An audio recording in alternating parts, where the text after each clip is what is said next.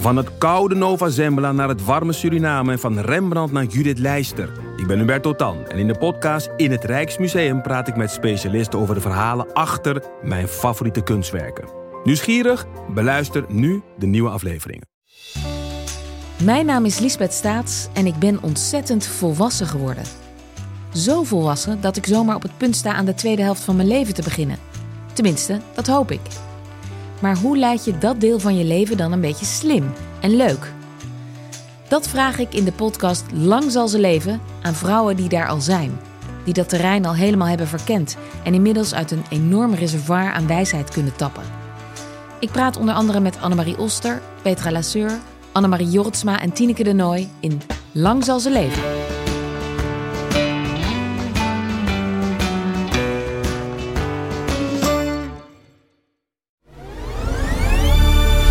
Media. En dat was het moment waarop op die column, daar kwamen heel veel reacties op, dat iemand mij opbelde en zei: Ik heb een verhaal over Van der Laan, dat ga je niet geloven. Laten we even naar werktijd afspreken. En toen hebben we die afspraak hebben we gehad en die vertelde mij het verhaal van: Nou, weet je, dat ontslag met die ambtenaar, ze heeft helemaal geen foute dingen gedaan, maar ze heeft een supergeheim project voor Eberhard van der Laan uitgevoerd en ze wordt nu voor de bus gegooid. Dit is Gonzo, de podcast waarin we praten met journalisten over dat ene verhaal in hun carrière dat ze altijd is bijgebleven. Het kan zijn omdat het een scoop was, omdat het opzienbarend was, riskant, gelauwerd, hilarisch, ontroerend of onthullend, of het was en is gewoon een goed verhaal. Mijn naam is Merel Westrik, tegenover me zit Frans Lomans. Eh, Frans, dit keer een gast, een eh, ex-journaliste, kan ik dat zo zeggen? Nou, ik weet eigenlijk niet, kan je eigenlijk, Nee, als je nee, ooit een- journalist bent geweest, dan niet meer journalist? Nee, dat, dat blijf je. Is net zoiets als moordenaar. Dat blijf je ook altijd. Ja? Journalist ook. Oké. Ja? Zullen we dan zeggen dat ze tijdelijk even gestopt is in de journalistiek? Even aan het pauzeren om eh, hierna genadeloos terug te slaan. Oké, nou we gaan zo meteen aan haar vragen of dat Ja. klopt. Eh, jij kent haar persoonlijk. Ze is namelijk ooit begonnen bij het tijdschrift waar jij ooit hoofdredacteur van was, Nieuwe Revue. En eh, mijn intuïtie heeft me best vaak bedrogen in mijn leven. Op, op allerlei gebied. Ja. Maar, in dit geval, maar in dit geval niet. Want ik had echt na twee weken wel door dat onze gast iemand was die echt wat kon. En dat baseer jij dan allemaal op intuïtie? Dat baseer ik allemaal op mijn eh, soms feilloze mannelijke intuïtie. Kijk, Ja? en dus je schat haar in als iemand die grootste dingen zou gaan doen. En volgens mij is het allemaal uitgekomen. Laten we maar eh, naar Ja. onze gast meteen gaan. In de studio dit keer Nicky Sterkenburg. Welkom Nicky. Dankjewel. Goed dat je er bent. Eh, we beginnen altijd even met een eh, kort cv. Ehm, je begon je journalistieke carrière dus in 2010 was dat, bij Nieuwe Revue. Daarna heb je geschreven voor Quote. Eh, uiteindelijk begon je in 2013 bij Weekblad Elsevier. Daar schreef je het verhaal voor waar we het zo meteen over gaan hebben. Je bleef daar vijf jaar. Daarna deed je nog eh, freelance werk voor Vrij Nederland. En nu ben je werkzaam eh, aan de andere kant. Je bent alweer bijna drie jaar plaatsvervangend hoofd analyse nationale veiligheid bij de NCTV, de Nationaal Coördinator Terrorismebestrijding en Veiligheid. Je schreef ook meerdere boeken. Ongeloofwaardig hoe ik mezelf radicaliseerde en daarvan terugkwam uit eh, 2015. Dat schreef je samen met Dennis Abdelkarim Honing. En in 2021 verscheen jouw proefschrift. Maar dat mag je niet zeggen. De nieuwe generatie radicaal en extreem rechts in Nederland. Klopt het eigenlijk wat, wat Frans zegt? Dat als je ehm, ja, journalist bent, dat je dan eh, eigenlijk nooit echt kan stoppen? Nou, het hangt er vanaf. Kijk, je, je drang naar publicatie kan je misschien nog wel stoppen, maar je nieuwsgierigheid, dat stopt nooit. En het feit dat je altijd inderdaad wil weten wat er zich achter gesloten deuren eh, afspeelt. Dat je wil weten hoe andere mensen ergens instaan. Dat je wil weten wat er gebeurd is. dat blijft denk ik altijd. Dus je bent eigenlijk, als je journalistiek geschoold bent en journalistiek bent opgegroeid, ben en blijf je een journalist in hart en nieren. Ook al heb je even een andere baan. Eh, ergens diep van binnen wel. Oké, maar, maar klopt het ook wat Frans zegt, dat je op een dag genadeloos terugkeert in de journalistiek? Nou ja, ik heb eh, toen ik deze baan aannam eh, gezegd van nou, ik ga dit vijf jaar doen. Ja. Eh, nou ja, er zijn nu drie jaar voorbij, dus over twee jaar ga ik de balans opmaken. Oké. Mooi. Dus eind eh, 2025 kunnen NRC, Volkskrant, nieuwsuur, whatever, kunnen jou weer bellen. Koffie drinken kan altijd. Koffie drinken kan nu, nu al, suggereer je. Eh, Nee, voorlopig, we- voorlopig is de transfermarkt nog niet open, maar wie Oh. weet. Oké, over twee jaar, Frans. Ja. Eh Nicky, toen we jou eh, belden en vroegen om eh, hier te komen praten over dat ene verhaal in je carrière dat je altijd is bijgebleven, wist je toen meteen welk verhaal dat moest zijn? Ja, ik wist het echt meteen. Ook omdat dit verhaal niet alleen een soort paradigmawisseling in mijn hoofd heeft veroorzaakt, maar ook omdat het eh, mijn kijk op de journalistiek heel erg heeft veranderd. Omdat ik zo ontzettend op dat moment tegen de tijdsgeest eh, in moest roeien en tegen eh, de berichtgeving. En toen ik dit verhaal had gebracht, dacht ik wel van, nou jongens, ik heb het opgelost. Kunnen we dan nu even allemaal rechtzetten wat we hebben veroorzaakt? Ehm, en dat heeft nog heel lang geduurd daarna. En eh, wat, heeft, wat bedoel je met die paradigma? Help me nog even. paradigmawisseling in het hoofd. Ja, wat bedoel je daar precies mee? Nou, in die zin dat ik bij dit verhaal, en we gaan het er zo over hebben, precies dacht te weten hoe het in elkaar stak. En daar allerlei aannames over had. En dat bleek achteraf totaal verkeerd te liggen. En sindsdien ben ik echt ook voor mezelf een stuk voorzichtiger met aannames doen als ik dingen gewoon niet weet. Je, je, je noemde jezelf wel eens in een bepaalde periode trigger happy, hè? Ja, Van wauw, scoren, scoren, scoren. Eh, doet er niet toe hoe. Het doelpunt moet gemaakt worden. precies. Ja, En eh, dat was voorbij na je ervaring met dit verhaal. zeker weten. Ja. En sindsdien ben ik ook een stuk terughoudender geworden met snel conclusies trekken. eh, maar ook met heel snel twitteren, bijvoorbeeld. Oké. Twitter je nog wel? Ik twitter nog wel. Oké. Maar alleen Ja. snoepieplaatjes op het moment. Oh, nou, vind ik ook beter. We gaan naar het verhaal. Eh, het verhaal waar we het over gaan hebben werd op 30 oktober 2017 gepubliceerd in Elsevier Weekblad. Jij onthulde dat de Amsterdamse burgemeester Eberhard van der Laan een geheim antiradicaliseringsproject had opgezet. Dat was een project waar de gemeenteraad niet over geïnformeerd was, waar wethouders niets van mochten weten en waar het OM en de politietop negatief over adviseerden. Moest allemaal in het geheim. En wat was dat geheime project? Eh, het was een plan om een serie vlogs naar buiten te brengen. waarin een jonge Marokkaanse acteur radicaliseert, maar ook weer deradicaliseert. En die vlogs die komen uiteindelijk nooit naar buiten. Het hele project eindigt eh, met een ruzie, beschuldigingen van fraude, een onterecht strafontslag van een ambtenaar die juist jarenlang heel belangrijk is geweest op die afdeling radicalisering en polarisatie van de gemeente. En er komt een strafzaak. Dat is in het kort eh, het verhaal. Voordat we naar het eh, begin van dit verhaal gaan, gaan we even naar de reclame. Ik hoor de muziek al.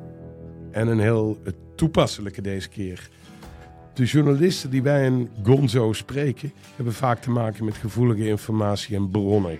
En jij, die nu luistert, misschien ook. Om die of andere informatie online te beschermen, kun je NordVPN downloaden. Ja, en VPN is dan een afkorting van virtueel privé netwerk. En nu moet jij me even uitleggen wat dat concreet inhoudt, eh, Merel. Ga ik doen. Eh, voordeel van een eh, virtueel privé netwerk is dat je je virtuele locatie kan verbergen en je verbinding kan versleutelen, waardoor je online privacy eigenlijk wordt verbeterd. Maar een VPN beschermt je bijvoorbeeld ook tegen cyberdreigingen, gevaarlijke wifi-netwerken en wat bijvoorbeeld voor journalisten ook handig kan zijn. Een VPN versleutelt je verbinding, zodat derden niet kunnen zien welke gegevens je verstuurt en welke gegevens je ontvangt. En daardoor kan je met de VPN eigenlijk veilig bestanden delen. Volg je Ja. het een beetje, Frans? Ja, ik volg dit wel een beetje. Ik overwoog serieus te stoppen met werken toen de computers een intrede deden. Kijk, nu ben ik met pensioen, dus hoef ik me niet meer zozeer druk te maken om online veiligheid. Oh ja, jij kan ook gehackt worden. Mocht je nou denken, dat lijkt me wel wat, dat NordVPN, dan hebben we een aanbieding. Tot 9 januari ontvang je bij een tweejarig abonnement voor NordVPN een Amazon cadeaubon tot 30 euro. En daar kan je dan weer van alles van kopen. Frans, wat zou jij Ja, kopen eigenlijk? Da- dan verraad ik mijn leeftijd nog een keer. Ik zou boeken of cd's. En- Koop jij nog cd's? Ja, ik heb er nou eenmaal meer dan 11.000, dus it's too late to stop. 11.000, waar laat je dat van? Eh, in mijn aparte cd-kamer. Kijk, Ja, nu Ja. kijk je naar me of dat je echt niks meer met me te maken wilt hebben. ik ben, Maar, gewoon, ik ben gewoon jaloers op jouw aparte cd-kamer. Maar goed, ga naar noordvpn.com slash gonzo en je krijgt vier maanden extra bij een tweejarig abonnement en een Amazon cadeaubon tot 30 euro. Geldig tot 9 januari. En dan gaan we nu weer verder met het verhaal. Hoe begon dit verhaal?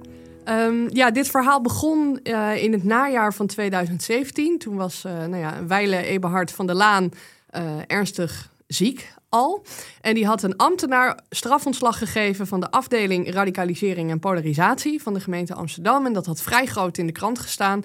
En over die ambtenaar deden echt de meest wilde verhalen. Dat ze zou fraude hebben gepleegd en vriendjespolitiek um, hebben bedreven.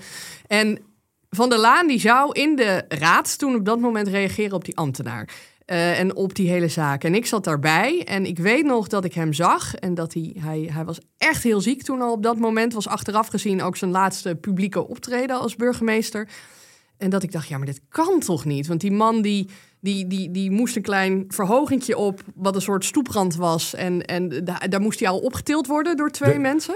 Wat, niet kon, was dat deze man op dat moment niet de burgemeester van Amsterdam had mogen had zijn. mogen zijn. Hij was heel warrig in zijn beantwoording. En hij, uh, uh, nou ja, hij, hij zei wel over die zaak van ja, ik heb haar terecht ontslagen. Ik ben jurist, ik ben heel zeker van mijn zaak. En toen heb ik een column geschreven voor Elsevier Weekblad, waarin ik zei van nou, het is best te prijzen dat Van der Laan als burgemeester in het harnas wil sterven, maar het is niet verantwoord om dit te doen voor de gemeente Amsterdam. En eigenlijk zouden mensen gewoon tegen hem moeten zeggen dat hij moet stoppen. Want we zijn er niet om het gevoelsleven van een burgemeester te beschermen. Wat een, uh, een flinke uh, boute stellingname was. Ja, Van der Laan, voor iedereen die niet in Amsterdam woont, was een heel geliefde burgemeester van Amsterdam. Werd altijd geprezen om het feit dat hij zo hard werkte. Er was geen sigarenboer in Amsterdam die niet overvallen was, die geen bezoek van Van der Laan had gekregen. Ja. Zeg maar. werkte 24 uur per dag bijna. en was dus ook moeilijk te stoppen. Hij, hij, hij, was heiliger dan God, hè? Nou, Even voor ja. de, jawel. Hij was al om een ongelooflijk voetstuk geplaatst. Heel geliefd. En dan ook nog over stervenden zeg je ook alleen maar goede dingen. Ja. Kortom, jij uh, trok het zwaard richting een stervende. Ja, ik vond, ik vond het gewoon niet verstandig. En dat was het moment waarop op die column, daar kwamen heel veel reacties op, dat iemand mij opbelde en zei: Ik heb een verhaal over Van der Laan, dat ga je niet geloven. Laten we even naar werktijd afspreken. En toen hebben we die afspraak hebben we gehad. En die vertelde mij het verhaal van... Nou, weet je, dat ontslag met die ambtenaar... ze heeft helemaal geen foute dingen gedaan... maar ze heeft een supergeheim project... voor Eberhard van der Laan uitgevoerd. En ze wordt nu voor de bus gegooid. Aha. En toen dacht jij, daar ga ik induiken. En toen dacht ik, daar ga ik induiken. Dus door die kritische column kwam je eigenlijk op de tip voor dit verhaal. Ja. Heb je trouwens even getwijfeld of je die uh, kritische column uh, uh, wel moest schrijven? Of hoe, hoe, werkt dat in jouw hoofd? Want je gaat toch tegen alle stromen toch even in? Ja, het, nou, het was heel ingewikkeld. Hij had ook net een hele mooie uitzending. Echt een prachtige uitzending van Zomergasten achter de rug. Het was echt de populairste burgemeester van Nederland. Als een soort BN'er. Maar ik, ik, ik kreeg gewoon zo'n weerzin inderdaad tegen dat bijna heilig maken van die man. En kijk nou eens, en hij offert zichzelf op uh, als burgemeester en nog steeds aan het werk. Terwijl als je hem echt aan het werk zag, daar in de raad, dacht ik, deze man is al zo warrig. Dit is gewoon niet verantwoord je vond meer. dat de vragen niet goed beantwoord werden. Nee. Dat je eigenlijk, oké, ja. Jij kreeg die tip. Ja. En toen dacht je, daar duik ik in. Nou, ik, ik, ik liet hem eerst liggen, omdat ik dacht, ja, hij is nu zo ziek, dan moet ik dit nu of vlak voor zijn, voordat hij overlijdt, moet ik dit nu nog gaan rondbreien. Het was bovendien ook, er was nog niet eens, uh, ik bedoel, er was net aangifte gedaan tegen die ambtenaar dat zij fraude zou hebben gepleegd. Um, uh, nou, het OM had nog geen vervolgingsbeslissing genomen. En ik dacht, nou, goed verhaal. Laat ik even liggen. Hier gaan we op een ander moment wel mee verder. Want deze timing is wel gewoon ongelooflijk uh, beroerd. Maar ik, een paar weken later dacht ik van, nou ja, weet je, misschien moeten we toch maar eens wat telefoontjes gaan plegen. Dus ik ben wat gaan bellen. En ik kwam er eigenlijk al vrij snel achter, dankzij uh, uh, de bron die me het verhaal aanvankelijk bracht. Die had ook wel een lijstje van nou, deze mensen moeten ongeveer van deze campagne hebben geweten. En misschien moet je die maar eens even één voor één gaan bellen. En even voor de duidelijkheid, de ambtenaar waar we het uh, over hebben, waar ja. dan op dat moment dan dus, die dus strafontslag heeft gekregen en waar een aangifte van fraude tegen ligt, dat is een ambtenaar van de afdeling radicalisatie en... Radicalisering, nou, polarisatie en radicalisering, ja. ja. Oké. Okay. Zullen we, zullen we ook even de naam noemen? Ja, Want, uh, dat dan, is goed. Dan, dan hebben we dat ook gehad. Ja. En dat het toch, uh, ook daar heeft het mee te maken. Ja, als, zeker. Uh, het is Sadia Aitaleb, een, een Amsterdamse ambtenaar met een Marokkaanse achtergrond. Ja.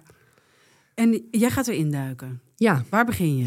nou, ik begon maar met dat lijstje van mensen die, eh, die erbij betrokken waren. En ik ben ook daarbuiten gewoon heel veel vragen gaan stellen. Dus ik weet nog wel dat ik toen ook gemeenteraadsleden heb opgebeld van... hebben jullie wel eens van de grijze campagne gehoord? Nee, nee, hadden ze nooit van gehoord. Want zo, zo heette het. want zo heette de, grijze campagne. De, ja. Dus jij krijgt een lijstje namen van die tipgever over dit verhaal. Van mensen die daar mogelijk van afweten. Ja, met, daarbij dus ook dat, dat hij het ook niet zeker wist of iedereen daarvan af eh, eh, wist.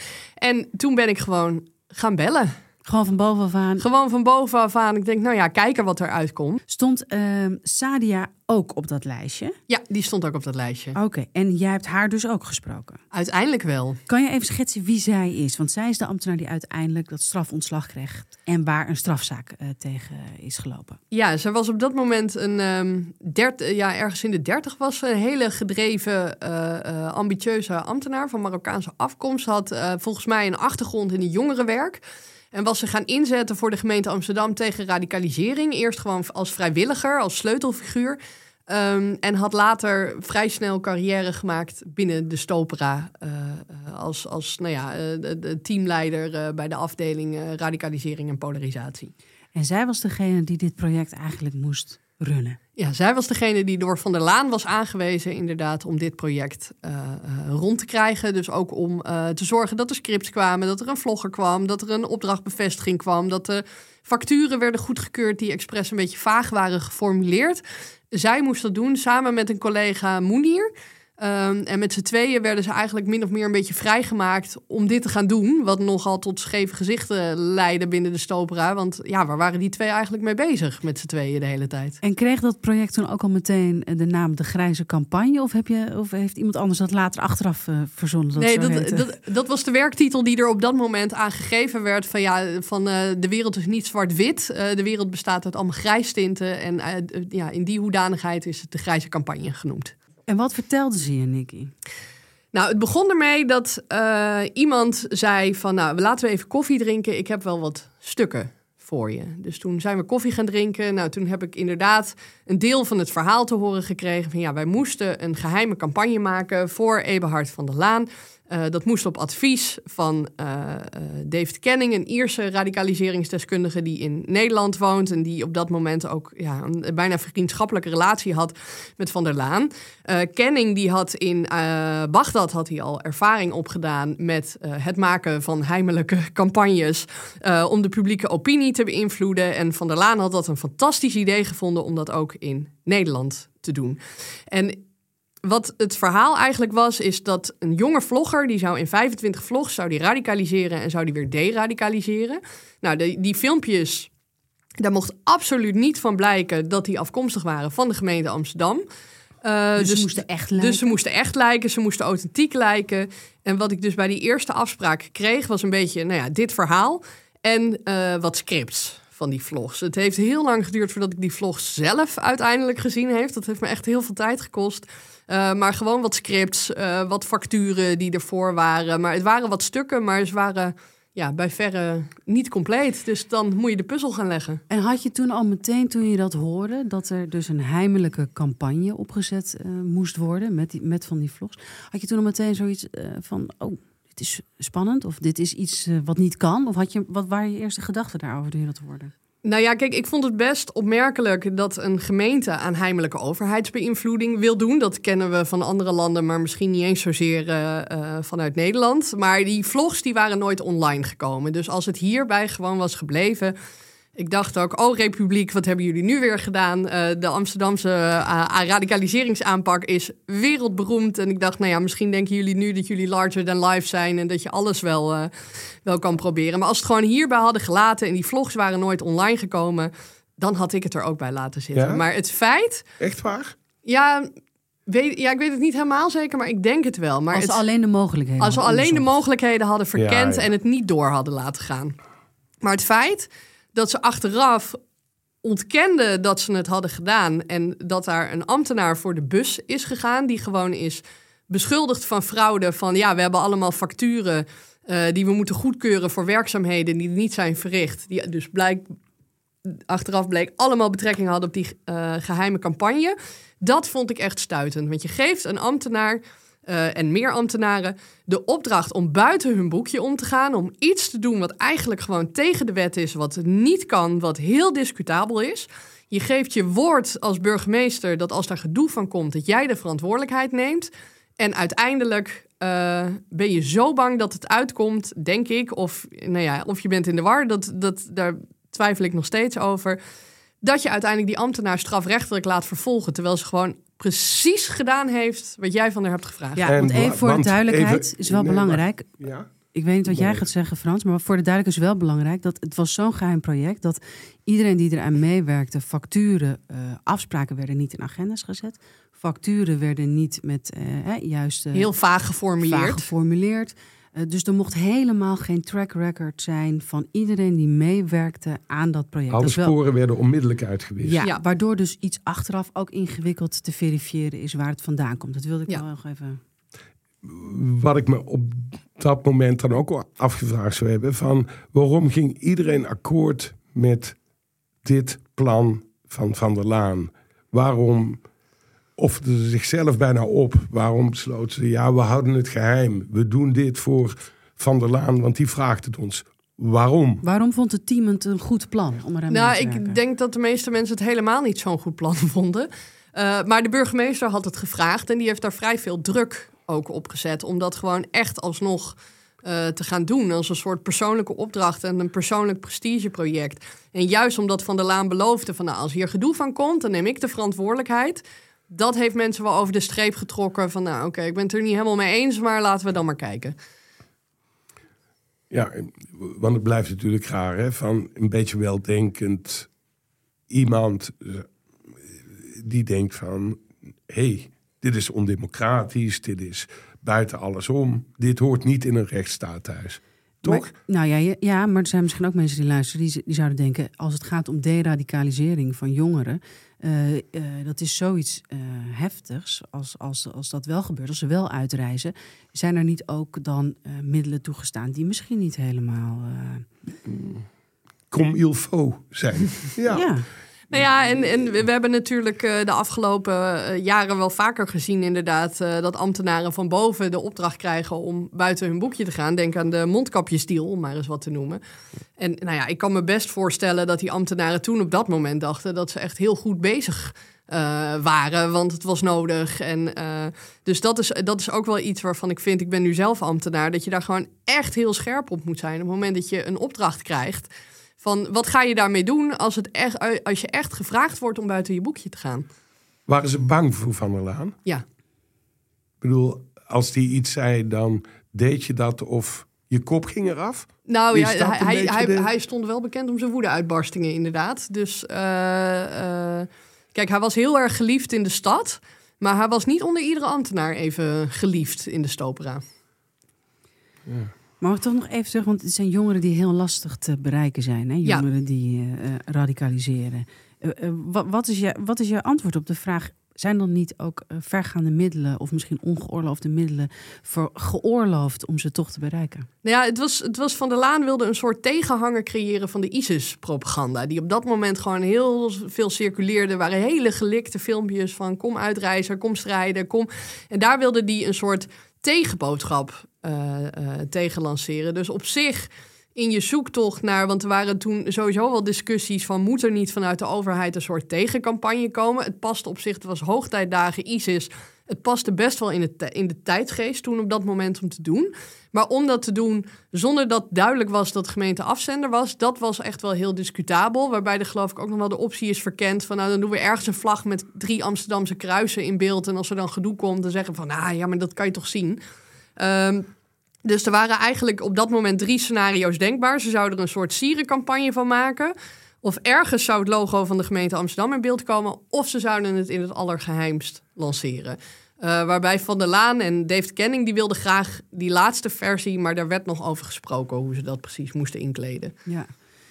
Zover komt het uh, uiteindelijk allemaal niet. Nee. Want eh, die vlogs worden eh, een nooit eh, gemaakt eigenlijk. Er is een, een moment in je verhaal dat er ruzie komt. Ja. Misschien is dat wel een goed moment om even naartoe te gaan. Eh, de- de- alles is in gang gezet voor die vlogs. Eh, dat team werkt daaraan mee. Eh, Sadia Aitaleb, eh haar collega. eh, nou.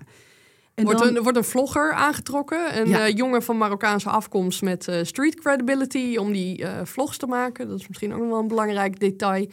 Ehm, en inderdaad, ze gaan dan die vlogs maken. Ze krijgen eerst van, eh, vanuit Van der Laan expliciet de opdracht om religie erbuiten te houden. Want Van der Laan was een sterk voorstander van eh, scheiding van kerk en staat. En eind 2016, eh, ja, op de een of andere manier maakt hij ineens een soort draai. En vindt hij dat religie wel in die vlogs moet komen. Ja, en er zijn dan eind 2016 een aantal eh, incidenten ook in de, in de eh Oema-moskee, onder meer in Amsterdam Nieuw-West. Eh, met salafistische jongeren zijn er wat onrusten. Eh, en dan ehm, verschijnen er op een gegeven moment in de media berichten over hoe salafistische jongeren proberen de moskee eh, over te nemen. Daar wordt Van der Laan volledig door overvallen. Net als door die golf uitreizigers die er dan gaande is. En dan schrijf jij hier, tot zijn grote ergernis moet hij zich nu toch met religie bemoeien. Terwijl Cohen bekend werd van het thee drinken met moskeebestuur, zegt Van der Laan te kiezen voor een sterke bak koffie. Maar het bestuur van de Oema-moskee voelt niets voor een gesprek. Als hij eind 2016, vlak voor de kerstvakantie, de filmpjes van de grijze campagne gepresenteerd krijgt, wordt hij woedend. Hoe kunnen Sadia en Mounir religie negeren gezien de spanningen in moskeeën? Het is een ommezwaai die betrokkenen lastig kunnen verklaren. Wanneer zij proberen tegen te werpen dat de opdracht vanaf dag één was om religie erbuiten te houden, valt Van der Laan Moenier aan met woorden. Een van zijn adviseurs probeert de boel nog te sussen, maar ze gaan met ruzie uit elkaar. Ja. Wat, wat was dat met dat religie erbuiten houden? Dat was echt een, een, een overtuiging, hè? Ja, nee, Van der Laan was er echt van overtuigd dat ze eh, nou ja, vanwege ideologische gronden uitreisden. Dat er een soort window of opportunity was en, en, en, en weg waren ze. En die, eh, nou ja, vanuit de scheiding van kerk en staat vond hij het ook niet zijn rol om zich met religie te bemoeien of om daar iets van te vinden. Nou ja, daar kan je veel voor, zeggen. D- David Canning die, eh, nou ja, die deelde dat idee en ze haalden dat ook allebei eh, uit het werk van Spinoza. En tegelijkertijd zie je toch dat, dat ja, op pragmatisch niveau als burgemeester, op het moment dat er iets in je stad speelt bij een bepaalde moskee, ja, dan moet je je als bestuurder toch met religie bezighouden. En dat vond hij heel ingewikkeld. En hij was heel bang dat nou ja, zou uitlekken dat hij eh, eh, nou ja, bij die filmpjes de opdracht ooit zou hebben gegeven om religie eruit te houden. Alsof hij een soort wegkijker zou zijn. Hij was ook heel bang dat, hij, dat als dat allemaal ooit uit zou komen, dat hij daarmee een Geert Wilders in de kaart zou spelen. Eh, dus toen heeft hij op een gegeven moment heeft hij een soort draai gemaakt en is er enorme ruzie in de ambtswoning geweest. Waarna de filmpjes dus zijn stopgezet. Eh, Sadia en eh Moenier, Moenier is ook een ambtenaar van de gemeente Amsterdam, die zijn toen weer aan het werk gegaan. Zijn gewoon al hun andere werkzaamheden weer gaan voortzetten. Ehm, en er is eigenlijk nooit een beslissing genomen over wat er nou nog moest gebeuren met die campagne. Want er zijn daarna ook geen filmpjes zijn meer daarna ook gemaakt. geen filmpjes meer gemaakt. Er lagen een stapel eh, filmpjes die niet uitzendbaar waren. Toch? Nou, volgens Want Van der Laan Van niet Laan uitzendbaar. Vond, eh, Ja. vond, vond ze kut. Hè? en eh, that's it. Einde verhaal. Dat- Zou je denken. Zou je denken, ja. Maar Maar ehm, blijkbaar, ook binnen de gemeente Amsterdam, waren, eh, nou ja, was er zo'n angst dat het zou uitlekken. Dat, nou ja, eh Moenier die kwam ziek thuis te zitten. Die liet zich overplaatsen naar een andere afdeling. En Sadia die kreeg allerlei functioneringsgesprekken. eh, eh, en, en, en verbetertrajecten aangeboden. Het werd heel erg afgewenteld op de mensen die eraan gewerkt hebben. En met name de mensen met een Marokkaanse achtergrond. Die wilden zo nodig religie buiten het filmpje houden. Zij hebben niet gefunctioneerd. Het probleem, probleem ligt bij hun. Zij moeten zichzelf maar zien te verbeteren of ergens anders gaan werken. En op dat moment veranderde de sfeer ook binnen de Stopera ten aanzien van best wel veel ehm, ambtenaren met een Marokkaanse achtergrond. Eh, de sfeer verharden. Ik heb daar zelf nooit zoveel over geschreven. Dat is later wel in het, eh, in het Parool verschenen door Marcel Wiegman. Ook een hele serie artikelen daarover. En ehm, nou ja, er kwamen meldingen binnen bij Bureau Integriteit. Want er had iemand in de financiële administratie facturen gevonden die die niet kon thuisbrengen. Eh, van een bedrijf van ene Said, waar gewoon vage termen stonden als eh, Spinoza lezen. Nou, waarom zou iemand Spinoza lezen op een factuur zetten voor de eh, gemeente Amsterdam. Dus er kwam ook een integriteitsonderzoek naar Sadia. Er zijn mensen die op dat moment ook al hebben gezegd tegen bureau integriteit van ja, die facturen, ja, ze zijn een beetje vaag, maar ze hebben betrekking op een, op een geheime campagne. Dat zijn we nu op dit moment aan het doen. Onder andere de toenmalig manager van Sadia heeft dat gezegd. Dat is ook iemand die het veld heeft moeten ruimen eh, nadat eh, de filmpjes niet meer verder gingen. En al die signalen die zijn gewoon in de wind geslagen. Eh, Sadia die voelde zich niet meer lekker, dus die heeft in de zomer van 2017 ontslag genomen bij de gemeente Amsterdam. Kreeg nog een prachtige mail erachteraan waarin ze bedankt werd voor haar werkzaamheden. En drie dagen later werd dat ontslag teruggedraaid, kreeg ze strafontslag waardoor ze geen uitkering kon aanvragen. Werd er aangifte gedaan, zijn er huiszoekingen bij haar gedaan en werd ze verdacht van fraude. Want voor de duidelijkheid, zij was een zeer gewaardeerde ambtenaar. Ja. Toch? Ja. Ik bedoel niet een, een anoniem iemand, gewoon iemand die het waanzinnig goed deed. Ze was het gezicht van de afdeling. Ze was wel heel streng naar iedereen. Dus ze was niet bij iedereen geliefd. Zeker niet bij opdrachtgevers op het gebied van radicalisering. Want ze eiste altijd echt het, het, het, het beste van iedereen. Een enorme perfectionist. En daar heeft ze ook wel vijanden eh, meegemaakt. Maar goed, het ik, dat is ook waarom ik nooit zo goed snap waarom er uiteindelijk aangifte tegen haar is gedaan. Want ze was al weg. Als het hier nou Ja. om een ordinair arbeidsconflict ging, ze had al ontslag Ze had genomen. Ze ging al weg. Ja. Ehm, Maar wat is daar, mag geef daar eens antwoord op, wat is daar dan gebeurd? Want ze ging al weg, dus in feite zou, zou je kunnen zeggen, als je, als je de zaak helemaal onder het tapijt had willen schuiven. En, dan had dat op en dat moment gekund. Was dat een ja. prima eh eh, wegwis eh, Ja. mogelijkheid? Nou, ik heb er, ik heb er twee, twee theorieën over. Dat of Van der Laan was zo bang dat het zou uitkomen... en was zo kwaad op haar dat hij dacht... we moeten gewoon aangifte gaan doen. Dat is één theorie. Dit, Zo van hij- de aanval is de beste Ja, verdediging. aanval is de beste verdediging. Dan gaat zij niet meer met dit verhaal naar buiten komen. Ja. Of hij was op dat moment, want hij was weer ziek toen, was hij dusdanig ernstig ziek dat hij het gewoon niet goed door heeft gehad. Dus dat mensen van bureau integriteit en, en van de ambtelijke top tegen hem hebben gezegd van... joh, er zijn allemaal eh, facturen en die, eh, die, die kloppen niet. En eh, volgens mij heeft ze fraude gepleegd, dus misschien moeten we aangifte doen. En dat hij toen In zijn warrigheid. in zijn warrigheid niet meer zelf de link heeft gelegd dat dat met die campagne te maken heeft. Aan de andere kant, ik bedoel, er zijn genoeg mensen die ook binnen de stopera aan de bel hebben getrokken van ja, nee, die fraudezaak, hou er nou eens mee op. Het, zijn, het is Ja? die geheime campagne. Dat, dat zeiden Ja. ze ook echt. eh, ja, dat is ook echt tegen, tegen mensen gezegd. En dat drong niet door. En dat drong niet door. Niemand wilde eraan. En dat vind ik zelf wel heel zuur. Dat de ambtenaren die toen betrokken waren, die het juiste hebben gedaan en hun mond hebben opengetrokken, die zijn allemaal ziek thuis komen te zitten, integriteitsonderzoeken, moesten andere banen zoeken, arbeidsconflicten en weet ik veel wat. En de ambtenaren die ervan wisten en gewoon hun mond hebben gehouden, die hebben nu allemaal een prachtige functie elders. Ik kijk af en toe nog op LinkedIn Ja, om te ja. zien waar ze zitten. Ja, Jij hebt de vlogs eh, nooit bekeken, vertelde je eerder al. Ah, jawel, Uiteindelijk ah, heb je ze uiteindelijk. later, In, in 2020, Ja, drie jaar later. drie jaar later heb je ze eh, toch gezien. Ook met de acteur die, eh, die, Die de vlogger de speelde. vlogger speelde. Ja. Eh, ehm, ja, hoe, hoe was dat? Heel surrealistisch. Want ik, ik, ik, ik kon me er zo weinig bij voorstellen. Ik had natuurlijk wel een paar scripts gezien, maar ik had ze ook niet allemaal gezien. Ik heb ook niet alle vlogs gezien. Maar vooral ook is met hem het gesprek te voeren over hoe pak je nou zoiets aan? Eh, want hij vertelde ook dat de eerste vlogs echt verschrikkelijk waren. Dat hij met een soort plakbaard met een ISIS-vlag zwaaiend met een pistool eh, voor de camera had gestaan. En dat ze echt van alles en nog wat ehm, hadden geprobeerd.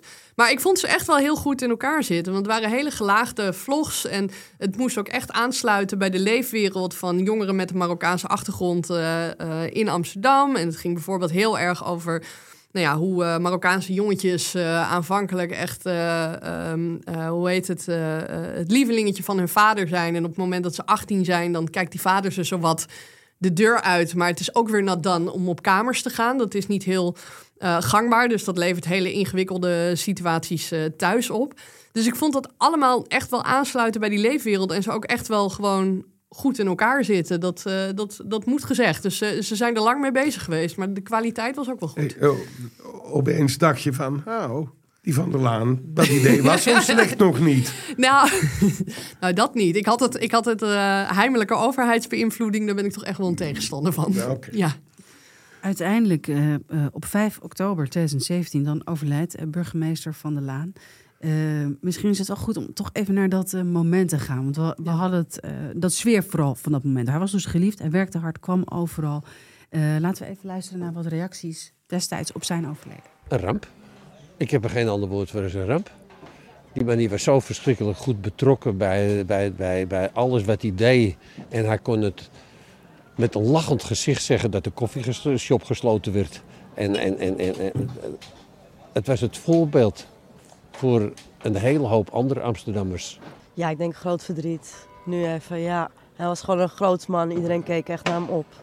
Ja, had harten veroverd. Ja, hij had harten veroverd. Ja. Eh, woonde jij eigenlijk destijds in, ook in Amsterdam? Eh, niet meer. Nee, ik heb wel tien meer. jaar in Amsterdam Oh, ja, gewoond. Maar ik woonde toen in Haarlem. Maar je kende Eberhard van der Laan als burgemeester van de stad dus wel. Zeker. Had jij ja. ook, had jij ook eh, voordat je deze tip kreeg van dit verhaal, had jij ook dat beeld eh, van hem? Ja, want je, je zag hem ook eh, dan, dan, eh, op- Twitter. Dan had weer een jongetje had hem een brief geschreven dat hij, dat hij een tand had gewisseld. En dan schreef Van der Laan daar weer een hele leuke brief over terug. En het was wel inderdaad een hele gezicht, zichtbare, gezellige burgemeester in de stad. Ook wel een beetje no-nonsense. Ook wel iemand die zich echt als een soort macher neerzette. Hè? Van ik regel gewoon dingen. En, en, en de hel met de bureaucratie en... eh, en de regeltjes. Dus dat, dat beeld had ik wel van hem. Ik eh, wist wel inmiddels dat hij behoorlijke eh, eh, eh, eh, woede-uitbarstingen kon hebben. Ik had toen wel met wat raadsleden ook wel eens gesprekken gevoerd die dingen wilden weten over het radicaliseringsbeleid van de gemeente Amsterdam. Want ze doen bij de gemeente Amsterdam wel vaker dingen anders. En die mij ook wel vertelden van... eh, ja, als we iets te kritische vragen indienen... dan moeten we bij Van der Laan komen... en dan ontsteekt hij in woede... en dan zegt hij dat we hem een mes in zijn rug steken... en dat we hem niet vertrouwen. Dus ik wist, ik, die andere kant wist ik ook wel dat hij die had. wel die ja. had. Eh, op, eh, hij sterft dus op 5 oktober 2017. Op 30 oktober 2017 publiceer jij dit artikel. ja, hele ongelukkige timing. Ja. Hoe landde dat stuk? Eh, niet goed. Ik wilde eh, het artikel. Nou ja, ik was wel een beetje gaan bellen. Maar ik dacht, nou, misschien kerstnummer op z'n vroegst. Laten we eerst maar gewoon even verwerken met z'n allen dat hij, dat hij is overleden. En ik kan er nou toch niet meer zoveel aan, eh, aan veranderen. En- Baalde je er eigenlijk van? Dacht je eigenlijk van, het was, eh, hoe... Nou, ik, had- ik, tuurlijk, ik had, hem, ik had hem heel graag hierover vragen willen stellen. Ik wist ook wel vanaf het moment dat ik hem zo ziek zag, eh, dat, dat, dat dat hem niet ging worden. niet meer in zat? Nee. Ehm, eh, maar ja, ik had hem echt heel graag hier nog vragen over willen stellen. Zeker weten. Want dat ja. heb je niet kunnen doen. Nee. Ja, en afgezien gewoon van, van, van de menselijke tragedie. Ik bedoel, eh, tuurlijk, hij was als burgemeester niet altijd even leuk naar zijn ambtenaren. Maar het blijft nog steeds iemands vader en, en iemands echtgenoot en, eh, en, en, en de beste vriend van mensen. Ja. ja, en ik bedoel echt ook voor, vanwege het verhaal. Je, kon, Ja. je had dus niet meer de kans om hem hierover te spreken. Nee. Hoe landde het eh, verhaal? Hoe, hoe, wat, wat, wat waren de reacties? Ehm, nou, heel wisselend. Er waren mensen die het echt heel erg ongepast vonden. Ehm, ik heb het verhaal sneller gepubliceerd dan ik wilde, omdat een van de mensen die ik benaderde, die schrok hier zo van dat hij met het verhaal naar NRC en naar het Parool stapte. Dus Oh. ik werd op een gegeven moment door mijn bronnen gebeld dat zij ook telefoontjes van andere media kregen. En dat was het moment waarop ik dacht: oké, dan, dan moeten we in de versnelling. Nu moeten we wel. Ehm, en ergens nou ja, er waren mensen die het echt heel onsmakelijk vonden van, eh, van hoe kan je en het is een, een, een overleden burgemeester en hij kan zichzelf niet meer verdedigen. Ja. Er waren ook wel mensen die iets te blij waren dat er iets aan de heilige status, eh, dat daar nu barsjes in kwamen.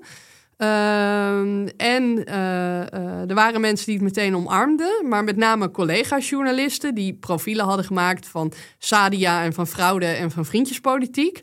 Eh, ja, die reageerden vooral dat ze, dat ze toch wel gewoon een heel stellig, eh, onwaarschijnlijk verhaal vonden. En hoe werkt dat dan? Want ik kan me voorstellen dat je destijds overleg hebt gehad ook met je hoofdredacteur. Ja. Want een van de mensen die je graag wil spreken voor dat verhaal, ook voor de andere kant misschien van het eh, verhaal, ja, die krijg je dan dus niet meer te spreken. Hoe, hoe, gaat, zo'n, hoe gaat zoiets? Nou, het was zeg maar op ehm, vrijdag hoorde ik, want het zou in Elsevier op donderdag uitkomen. En de vrijdag daarvoor hoorde ik van ja, Parool en NRC, die zijn echt al achter dit verhaal aan het aanjagen. Die willen op dinsdag uitkomen. Dus ik dacht, ja, dan komt mijn verhaal erachter aan. Dat is niet tof. Dus toen heb ik op vrijdag, eind van de middag, met de hoofdredacteur van Elsevier gesproken. Van nou, we gaan het op zondag gaan we het online zetten en dan doen we het zonder betaalmuur. Maar ik had helemaal geen reactie bij de gemeente Amsterdam meer kunnen halen. Er waren best wel dingen in het verhaal die ik nog meer had willen checken, meer had willen nabellen. Maar ik had gewoon geen tijd meer. En ik dacht, nou ja, oké, ik, ik hoop maar gewoon dat het zo is. En toen, Ehm, en toen ben je op vrijdagavond gaan schrijven. ben ik op vrijdagavond gaan schrijven, hebben we het online klaargezet. En Maar, toen- maar nog even, Ja. eh, hoe lang duurde het schrijven? Ja, ander, anderhalve dag of zo. Ja, een, een, een nacht en een dag. Ja, precies. Ja, en, eh, en, en toen hebben we het eh, klaargezet voor online. En toen is het zondagochtend online gekomen. Toen heb ik wel meteen de woordvoerder van de gemeente Amsterdam geappt van... eh, sorry, ik had jullie echt heel graag gewoon willen vragen om een weerwoord... maar Parool en NRC zitten me op de hielen, er is geen tijd meer. Toen, maar ehm Elsevier gaat dinsdag vijf uur naar de drukker... Als je een reactie hebt, zet ik het erbij op de site en fietsen we het nog in het blad. En toen stuurde die, haha, begrijp ik, nee, is goed hoor. En toen twee dagen later kreeg ik een appje van hem.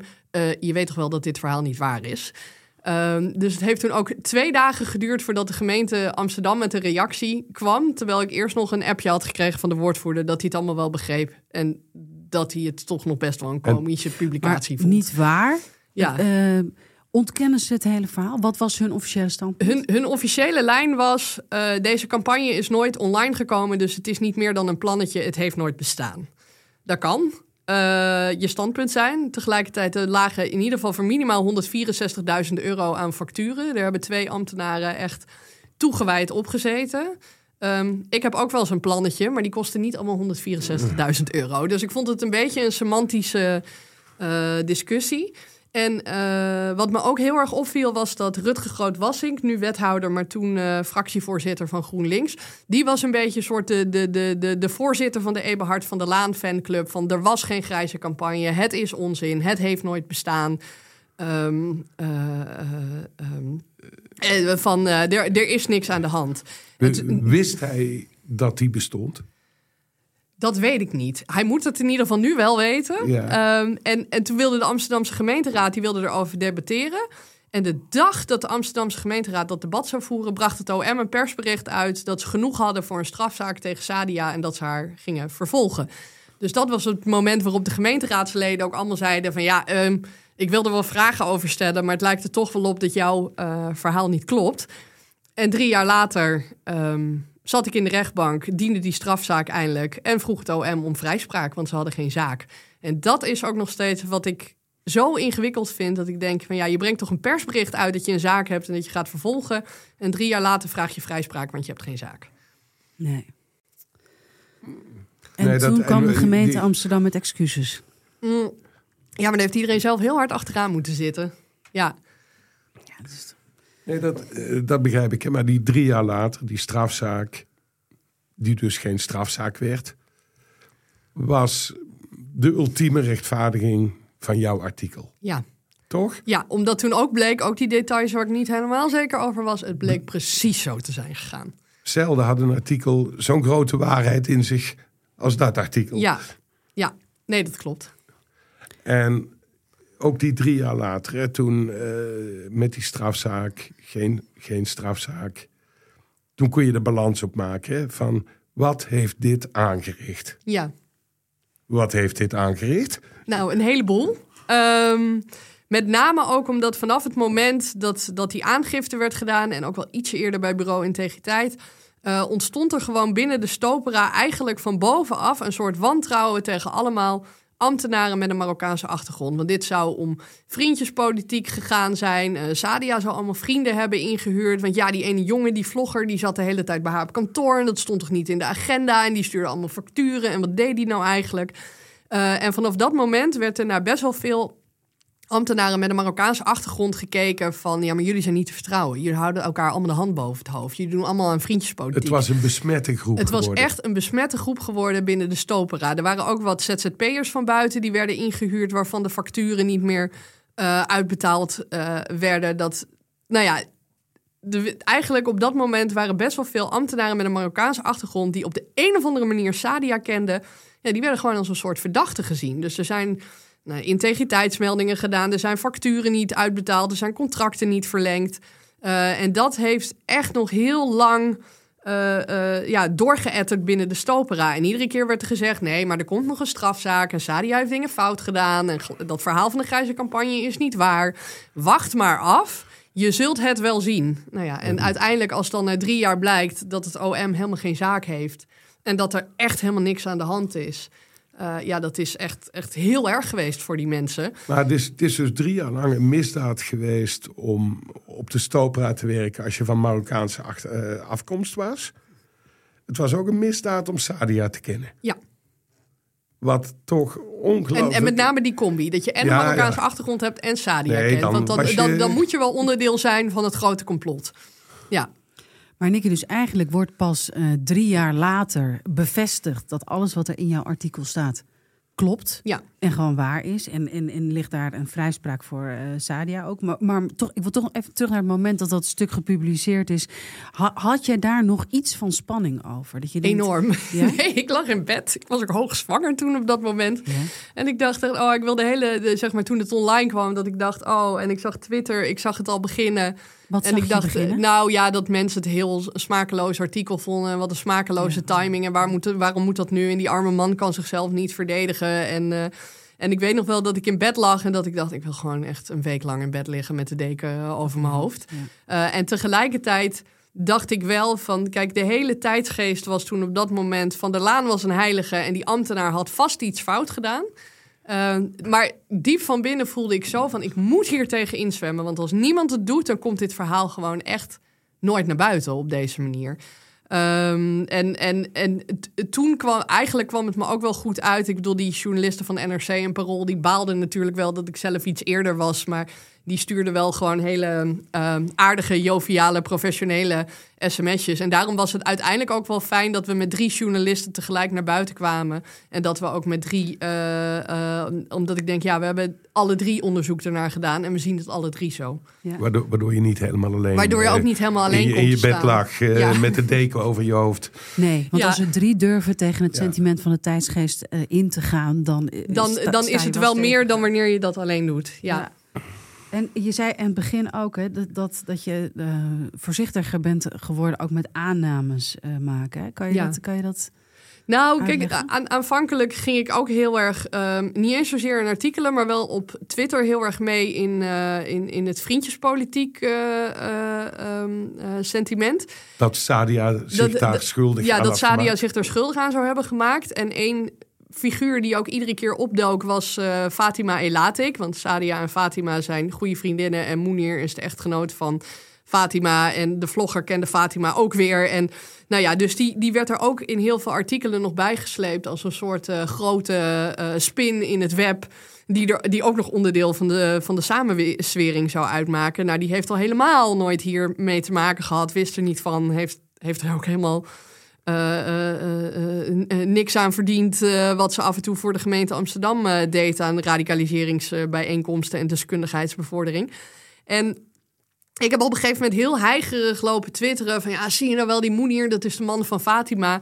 Waarbij ik enorm heb meelopen doen aan de verdachtmaking op dat moment. En dat is echt ook van mijn kant uit. Dat is gewoon een soort journalistiek dieptepunt. Dat ik denk, ik had gewoon een, een pilletje valium moeten nemen en gewoon moeten gaan slapen even tien keer ademhalen. Of van, van waar waren we toen op dat moment mee bezig met z'n allen? Met die, die, die jacht op dat verhaal. En dat is ook wel waarom ik uiteindelijk ook um, nou ja, uh, bij de nieuwe reporter, maar ook op de site van Elsevier en ook later in een, in een reconstructie van de Human van Medialogica ook gewoon mijn excuses aan heb geboden.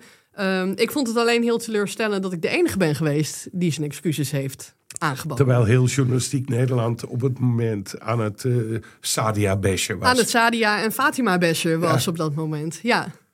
Ja, en dat ook na die vrijspraak, want er is één artikel in de Volkskrant, dat hebben ze teruggetrokken later. Maar dat hebben ze pas na de uitzending van Medialogica gedaan uh, en niet na de vrijspraak. Uh, Telegraaf heeft een artikel, ja, het staat niet meer online, dus ik weet ook niet of ze het hebben teruggetrokken of niet. Daar ben ik niet de, maar die hebben dat ook niet na de vrijspraak gedaan. Dat het is maar heel mondjesmaat rechtgezet met korte stukjes in de krant van, oh ja, er is een vrijspraak, want het OM uh, heeft vrijspraak gevraagd, want ze hebben geen bewijs. Nee. Ja. Hey, als je het aantal slachtoffers slachtoffers tussen aanhalingstekens van deze hele affaire uh, moet optellen. Over hoeveel ambtenaren gaat het, denk je, die hier serieus last van hebben gehad? Van nou, deze Van der Laan uh, misser? Nou, kijk, het gaat niet het gaat om de ambtenaren. Dat zijn er in ieder geval, ik weet ze niet allemaal. Ik kwam ongeveer eh, in ieder geval op acht en nog een stel inhuurkrachten. Eh, maar het gaat ook bijvoorbeeld om het netwerk van de sleutelfiguren. Amsterdam heeft ooit onder Job Cohen de sleutelfiguren ingesteld. Waren mensen met aanzien die de ogen en oren in de stad waren. En als er dan onrust was, dan konden die sleutelfiguren bemiddelen. Die konden signalen doorspelen naar het stadhuis. Ehm, en Sadia was ook heel populair en bekend onder de sleutelfiguren. En die hebben dit ook allemaal van dichtbij gezien... wat de gemeente een eigen ambtenaar heeft aangedaan. En er zijn ook heel veel sleutelfiguren gestopt... hebben de ervaring van hun cv gehaald... willen echt helemaal niks meer met de gemeente te maken hebben. En er waren geloof ik iets van... er waren 100, 150 sleutelfiguren of zo. En nou ja, bijna dat hele netwerk is gestopt toen ook op dat moment... En ik weet dat Halsema, die probeert het allemaal echt wel recht te zetten. En die probeert echt wel haar best te doen. Maar goed, die zit ja, ook gewoon... En die probeert ook echt wat goede te doen hierin.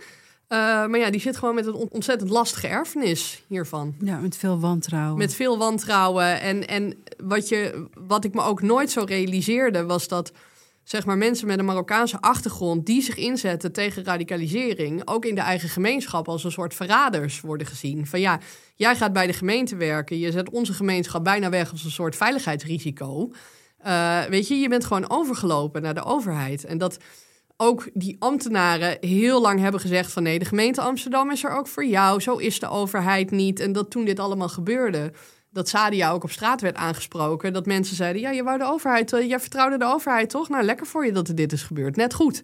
Uh, plus dat zij ook met naam en toenaam en foto in de krant had gestaan. Dus dat ook bepaalde jihadisten gewoon wisten wie zij was, dat zij bestond, uh, dat ze in Amsterdam woonde, hoe ze eruit zag. Dus ze heeft zich ook heel, heel lang onveilig gevoeld. Dan was het alleen maar gewoon dat ze door mensen op straat werd aangesproken. Uh, die haar ook nog eens een keer voor verrader uitmaakte, omdat ze voor de overheid was gaan werken. Kortom, haar, haar leven was compleet naar gort. Haar leven was compleet naar gort. Ja, ze heeft uh, drie jaar geen inkomen gehad. En, en allerlei advocatenkosten. En ze wilde koffie schenken in het bejaardentehuis. Zelfs daar uh, kwam ze niet voor in aanmerking. En Nicky, hoe kijk jij daarnaar uh, als ik zeg van... Nee, ik hoor Frans zeggen, je bent dan slachtoffer van zo'n plan van Van der Laan... wat, wat ja onheus uh, wordt uh, afgehandeld aan het eind. Met welke motieven dan ook. Of hij was daar te verward voor door zijn ziekte. Of hij heeft het echt oprecht. in, ja, gewoon slecht, echt heel slecht gedaan. Ehm, in hoeverre ben je dan slachtoffer van zo'n plan? Of in hoeverre ben je dan ook slachtoffer van de media-aandacht die dat vervolgens krijgt? Nou ja, ik denk dat ze ook wel slachtoffer is geweest van de media-aandacht. Daar waarbij er was echt op dat moment ook een soort fluistercampagne vanuit de Stopera bezig. Waarbij echt de meest wilde verhalen over Sadia de ronde deden, dat ik ook echt gewoon DM's kreeg van mensen die daar werkten. Van ja, nee, ze is wel beschuldigd van fraude. Maar ze heeft ook staatsgeheimen aan de eigen gemeenschap gelekt. Er was echt van alles en nog wat. En ja, we snappen niet hoe ze door die AIVD-screening heen is gekomen... die ze nodig heeft voor haar werk. Dus er werd echt van alles en nog wat... werd er bijgetrokken, werd er gefluisterd, werd er ingefluisterd. En ja, dat, dat radicaliseringswereldje dat bestaat natuurlijk ook uit allemaal concurrerende adviseurs die nog wel een uh, appeltje met Sadia te schillen hadden. Dus die waren ook allemaal niet te beroerd om op dat moment even flink uit school te klappen. Uh, waardoor ook, kijk, Sadia was een middenmanager. Ze werd ook afgeschilderd als, alsof ze de soort rechterhand van Van der Laan was... die in, het, e, in eentje het hele radicaliseringsbeleid vormgaf... en alles wat er misging en elke uitreiziger... dat zij daarvoor verantwoordelijk was. Maar, maar dat was ook helemaal niet zo. Gewoon alles wat slecht ging op die afdeling, werd uiteindelijk aan haar werd dat, werd dat, werd dat opgehangen. Uh, en daar heeft de media zeker een, of hebben daar zeker een rol in gespeeld. Maar wat mij met name zo, ja, wat ik zo teleurstellend vond, was toen die strafzaak diende, dat we daar echt maar met, uh, nou wat was het, drie, vier journalisten zaten. En dat het echt geleid heeft tot mini-artikeltjes in de krant. Terwijl er hele spreads in hadden gestaan ja. over uh, uh, nou ja, hoe, hoe verschrikkelijk zij wel niet was geweest. Dus jij vindt eigenlijk dat er niet genoeg gerechtigheid is geweest voor, voor Sadia uh, met alleen die vrijspraak? Daar had... had veel meer bij gemogen. En daarom heb ik me toen ook wel hard gemaakt dat die Human-uitzending van Medialogica er kwam. Um, uh, uh, en heb ik daar zelf ook nog een keer sorry gezegd. Omdat ik vind ook, weet je, kijk, als journalisten, we nemen iedereen de maat. Maar je ziet het ook bijvoorbeeld bij, bij zaken voor de Raad van de Journalistiek. journalisten vinden rectificatie heel moeilijk. Ze willen nog wel een toevoeging vaak doen, of ze willen nog wel een, eh, een, een, een klein stukje schrijven, maar het woord rectificatie en sorry zeggen vinden ze heel ingewikkeld. Terwijl ik denk, waarom zouden we het niet doen? Want ik moet wel zeggen, ik heb wel sorry gezegd. Nou ja, ik, eh, uiteindelijk het verhaal ook gebracht. Het recht gezet, geprobeerd, nou ja, me ingezet dat daar meer eerherstel voor kwam. En nog steeds, ook nu in mijn baan, waar ik ook kom, er is bijna altijd ergens wel iemand die zegt: Oh ja, dat ben jij, heeft die grijze campagne. Omdat ik natuurlijk ook in het veiligheidswereldje zit. En je hebt sorry gezegd. Dat was heel tof. Ik heb zoveel mooie reacties, ook vanuit uh, mensen met een Marokkaanse achtergrond, vanuit ambtenaren. Uh, gekregen van, uh, van, van gewoon het feit dat er gewoon eens een keer een journalist is die zegt: Sorry, ik heb het fout gedaan, had ik niet moeten doen. Um, en ik heb hier ontzettend veel van geleerd en dat ga ik ook nooit meer doen. Ik denk dat dat misschien nog wel meer indruk heeft gemaakt. En ook wel de vergevingsgezindheid van mensen. Op het moment dat je zegt: Ja, dit, dit heb ik niet goed gedaan. Het spijt me. Zonder dat je erachter verschuilt van: Nou, nee, ja, nee, maar het was maar een tweet. Of het was maar een dit. Of het was maar een dat. Ja. Um, en ik denk dat dat me echt enorm veel, uh, veel credits heeft opgeleverd. Denk je nog vaak terug aan dit verhaal? Ja, heel vaak. ik uh, volg nu ook, uh, want ik ben ambtenaar, een opleiding bij de Nederlandse School voor Openbaar Bestuur. We hadden laatst een soort kennisdag waarbij er allerlei toffe ambtenaren langskwamen die allemaal dingen buiten hun boekje hadden gedaan en helemaal leuk gingen vertellen wat ze dat allemaal had opgeleverd. En dat was toch wel aan het einde van de dag dat ik zei: Nou, ik zeg, ik wil eigenlijk wat ik een beetje mis hier is dat we de tegenkant belichten. Want je wordt als ambtenaar gevraagd buiten je boekje te gaan. Hoe ga je dat doen? Hoe zorg je ervoor dat je niet, um, nou ja, zo'n situatie krijgt als Sadia of dat je niet uh, een integriteitsklacht aan je, aan je broek krijgt. omdat je, weet ik veel, persoonsgegevens hebt gedeeld. omdat je die niet had mogen, die niet had mogen delen. maar toch wel de opdracht kreeg om die te delen. Um, ik, ik ben er echt heel erg voor om uh, flexibel te zijn. en niet helemaal alles in te regelen. En, en jezelf in te metselen in de bureaucratie. Maar er zit gewoon een risico aan op het moment dat je gevraagd wordt om iets te doen wat op het randje ligt. En dan, dat je in een geheim project getrokken Dat je in een geheim project getrokken wordt. Of je, of, je sluit een, of je sluit een mondkapjesdeal omdat een minister en een, uh, dat heel graag uh, van je wil. En hoe regel je dit dan goed voor jezelf? En hoe kun je ook die afweging goed maken? Kijk, dat je af en toe gewoon eens een keer iets buiten de regels om moet doen... omdat je anders nooit ergens komt, dat snap ik. Maar gewoon ook in mijn werk zit ik gewoon best wel vaak daarover na te denken. Dat ik denk van ja, dat... dat, dat het is heel tof, maar het heeft ook een andere kant. Daar moet je je tegen beschermen. Ja. ja. Me, heel even, vind jij dat Van der Laan in deze hele affaire de schuld heeft gekregen die hij verdiende? Nou, kijk, er zijn een paar ambtenaren geweest die dit voor hem hebben uitgevoerd. Die ook willens en wetens wisten dat ze dit aan het uitvoeren waren. En die zijn best wel beschermd door de gemeente Amsterdam. En terecht. Uh, want je hoort als werkgever voor je ambtenaren te gaan staan. Um, en ik vond het ook niet aan mij om die mensen nou gewoon heel erg kenbaar te maken en aan de schandpaal te nagelen, want die voerden ook een opdracht van de burgemeester uit. Um, maar dat is wel dat ik denk van, uh, uh, kijk, het is, het, het, is ook een beetje fout om dit helemaal terug te voeren op Van der Laan. Er zijn ook gewoon mensen die hier hem niet in hebben tegengesproken dat het heel, een heel slecht idee was om het zo te doen. Maar ook, ook met die hele afhandelingen. Van, Ja. We weten echt niet waarom dat hij zich eh, tussen aanhalingstekens toch een beetje schandelijk heeft gedragen op het einde. Ja, Eh, het is net of dat niet meer bestaat als we het over Van der Laan hebben. Ik bedoel, het is niet punt 1 op, zijn, eh, op het cv van de doden. nee, dat klopt. En ik, uh, nou ja, ik las laatst dat uh, Femke Halsma ook vindt dat hij nog een standbeeld hoort te krijgen. Maar dus dan, uh, nou ja, ik denk niet dat daar een bordje bij komt uh, dat, dat dit ook nog is gebeurd. Met een disclaimer. Met een disclaimer. Um, maar je bent ook niet alleen die ene fout. Ja, nee, ja, nee, nee, nee, maar je bent ja. het ook. Je bent, je bent ook, ja. die fout. Ja, En en, ik, is- en, en ik zie ook wel dat hij heel veel dingen voor de stad natuurlijk wel, uh, wel goed heeft gedaan. was een geweldige burgemeester voor 90% van de Ja, tijd. dus het is voor hem Ja. ook een, een, een, een soort stukje uh, van zijn carrière. Maar ja, goed, tegelijkertijd, het leven van sommige mensen heeft gewoon drie jaar onhold gestaan. Mensen zijn helemaal de vernieling ingegaan. En ook na die strafzaak heeft iedereen zelf aan de bel moeten trekken om nog iets van financieel herstel te krijgen, excuses te krijgen. Uh, de vlogger die is ook uh, uh, jarenlang niet uitbetaald. Heeft ook heel lang geduurd voordat die uiteindelijk zijn geld kreeg. Er zijn mensen die op zich prima functioneerde bij eh, de gemeente Amsterdam, maar die zich zo onveilig voelde dat ze nu allemaal ergens anders zijn gaan werken. En ik heb voordat ik naar de eh, eh, studio kwam, eh, nog wel even een rondje gebeld met iedereen, hoe het met iedereen is. En er zijn mensen die er tot op de dag van vandaag nog steeds last van hebben, psychisch. Eh, En hoe is het met Sadia? Ja. Eh, ja, het gaat goed naar omstandigheden. Ze wil nooit meer iets met radicaliseringsbeleid eh, te maken hebben in haar leven. Maar eh, ze, is het, ze is het langzaam aan het oppakken en goed voor zichzelf aan het zorgen. Want ja, ze zat al tegen een burn-out aan. Toen nam ze ontslag. Nou ja, dan ben je jarenlang bezig met overleven. En dan komt de vrijspraak en dan komt de klap van is dit echt gebeurd? Ja, en er was... En ze was iets het? heel anders? Voor, eh, ja, ze doet, ze doet nu andere dingen. En, maar er was vorig jaar bijvoorbeeld een eh, toneelstuk over, over eh, de grijze campagne. En eh, eh, nou ja, ze had me uitgenodigd, dus ik was er naartoe gegaan. En dat ze na afloop ook tegen me zei van... ik kan nog steeds niet geloven dat dit echt gebeurd is... en dat het over mij gaat. Ja.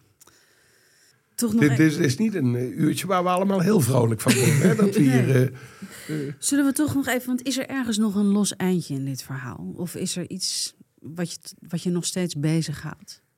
Ja, wat mij, wat mij nog steeds bezighoudt is of Van der Laan het wist of niet. Wat hij aan het doen was. Of hij zich daar echt eh, bij volle van bewust was. Dat hij eigenlijk Eh, Sadia slachtoffer... Ja, dat hij er, dat hij er voor de bus gooide. Ehm, en, en dat zullen we gewoon nooit weten.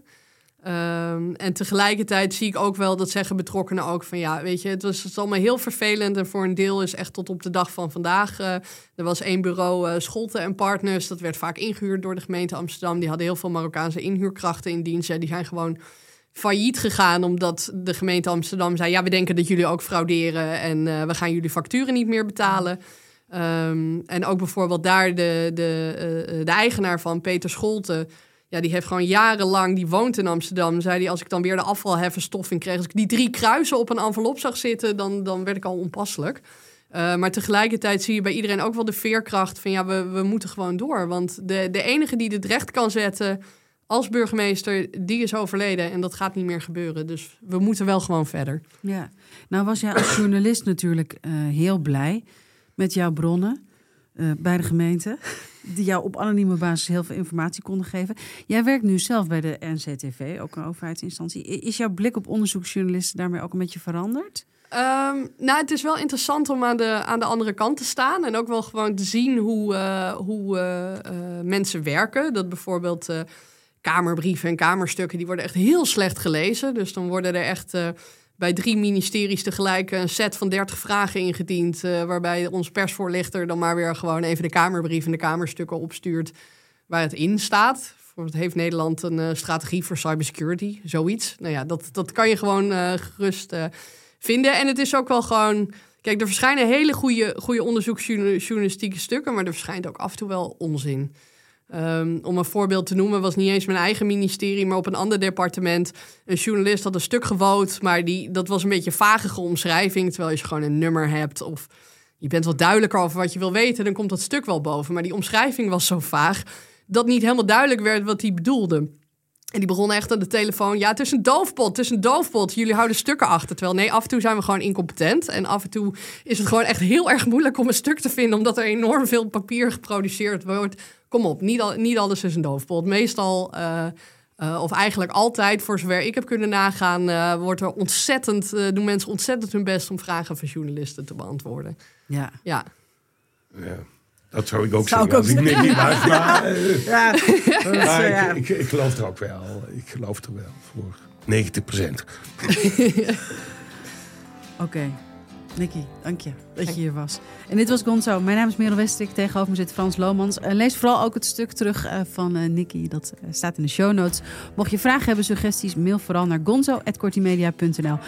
En laat een recensie achter. Vinden we leuk. En dan is Gonzo ook beter vindbaar voor andere luisteraars. Volgende week weer een goed verhaal. Tot dan.